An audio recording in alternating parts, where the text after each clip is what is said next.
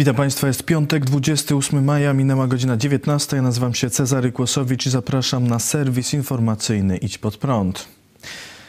Dziś odbyła się kolejna rozprawa w procesie pastora Pawła Chojeckiego. Prokurator zarzuca pastorowi Kościoła Nowego Przymierza i redaktorowi naczelnemu telewizji Idź Pod Prąd m.in. znieważenie prezydenta Andrzeja Dudy określeniami takimi jak agent śpioch, jełop skończony czy baran a także obrazy uczuć religijnych przez m.in. określenie postaci, która miała objawić się w Fatimie mianem zjawy i drwienie z nielogiczności i sprzeczności z Biblią dogmatów katolickich. Prokurator zażądała 10 miesięcy więzienia w zawieszeniu.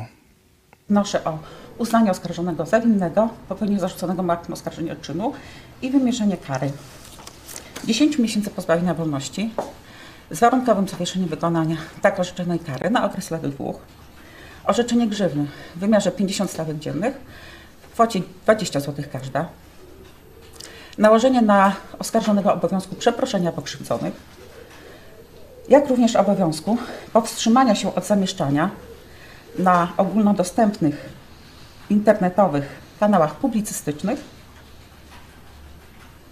Treści, które godzą dobra chronione osób pokrzywdzonych.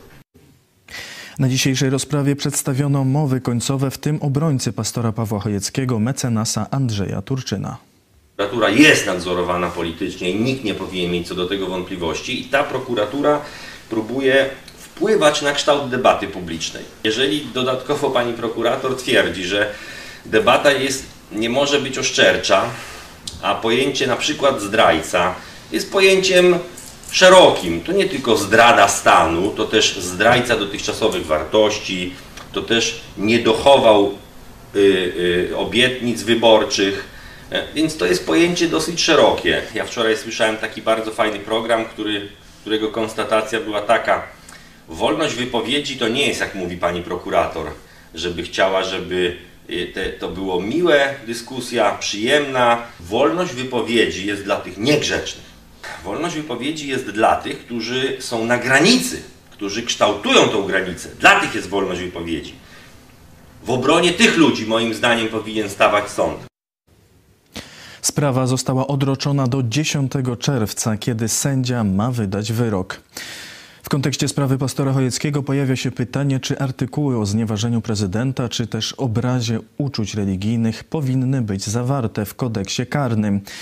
Jako głównym argumentem w sporze religijnym prokuratura posłużyła się opinią biegłej w zakresie religioznawstwa. Profesor Elżbiety Przybył-Sadowskiej, dyrektor Instytutu Religioznawstwa Uniwersytetu Jagiellońskiego. Biegła przyznała, że wypowiedzi pastora Chojeckiego mieszczą się w standardach protestancko-katolickiego sporu religijnego, jednakże doszukała się przestępstwa w formie i stylu kazań oraz wypowiedzi pastora.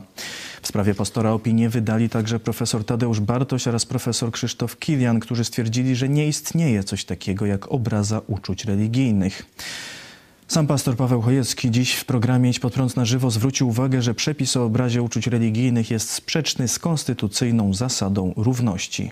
Konstytucja gwarantuje wszystkim obywatelom, czyli także niereligijnym, czyli także ateistom, równość wobec prawa. A tu zobaczcie, ludzie religijni są uprzywilejowani w, w, stosunku do ludzi niereligijnych. Uczucia osób niereligijnych czy ateistów w ogóle nie są poszanowane.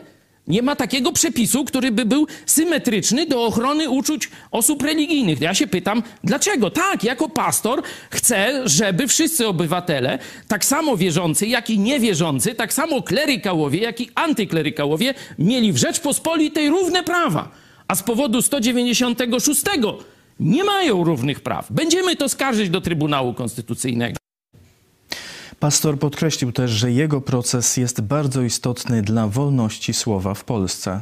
Ktoś, kto się przyjrzy istocie tego procesu, to znaczy w jaki sposób można w Polsce krytykować Kościół rzymskokatolicki, w jaki sposób można, można. można jego dogmaty fałszywe, obrażające logikę, rozum i przede wszystkim Słowo Boże, nie? W jaki sposób można krytykować? Że można mówić grzecznie, a już jak ktoś powie słowo dupa albo pierd, no to już jest paragraf, tu już jest więzienie dla niego. Noż to tak samo.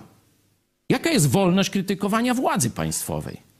Czy jak prezydent wszystkie sprzeniewierza się swoim obietnicom, to można nazwać to po imieniu, czy nie można? Czy Ja- paragraf będzie? zależy- Bronisław Komorowski miał więcej klasy, bo jego też przecież atakowali. Ja też atakowałem Komorowskiego, mówiłem, że to Komoruski i różne takie rzeczy. Nawet za Platformy Obywatelskiej nie miałem żadnego problemu z tego powodu. Miał więcej klasy niż Duda. To mnie, w ogóle nie mogę sobie tego wyobrazić. Wczoraj dziennikarka portalu Onet Eliza Michalik podkreśliła, że proces pastora Chojeckiego jest papierkiem lakmusowym demokracji w Polsce. Te kontrowersyjne wypowiedzi, dla mnie one nie są kontrowersyjne, bo dla mnie nie jest kontrowersyjna wypowiedź tylko dlatego, że zawiera jakieś mocne słowa.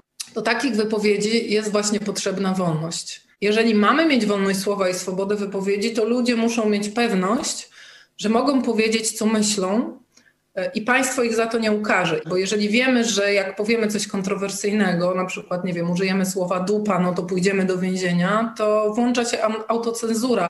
Zaczynamy myśleć, co mówimy i nie mówimy rzeczy, które mogą się komuś nie spodobać. A z czasem to już tak się boimy, już tak sami nie wiemy, co można powiedzieć, że w ogóle zaczynamy milczeć.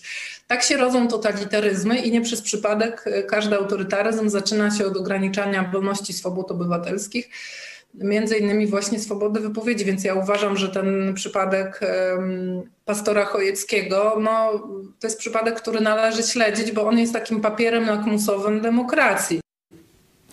O tym, czy mamy jeszcze w Polsce wolność słowa, przekonamy się 10 czerwca.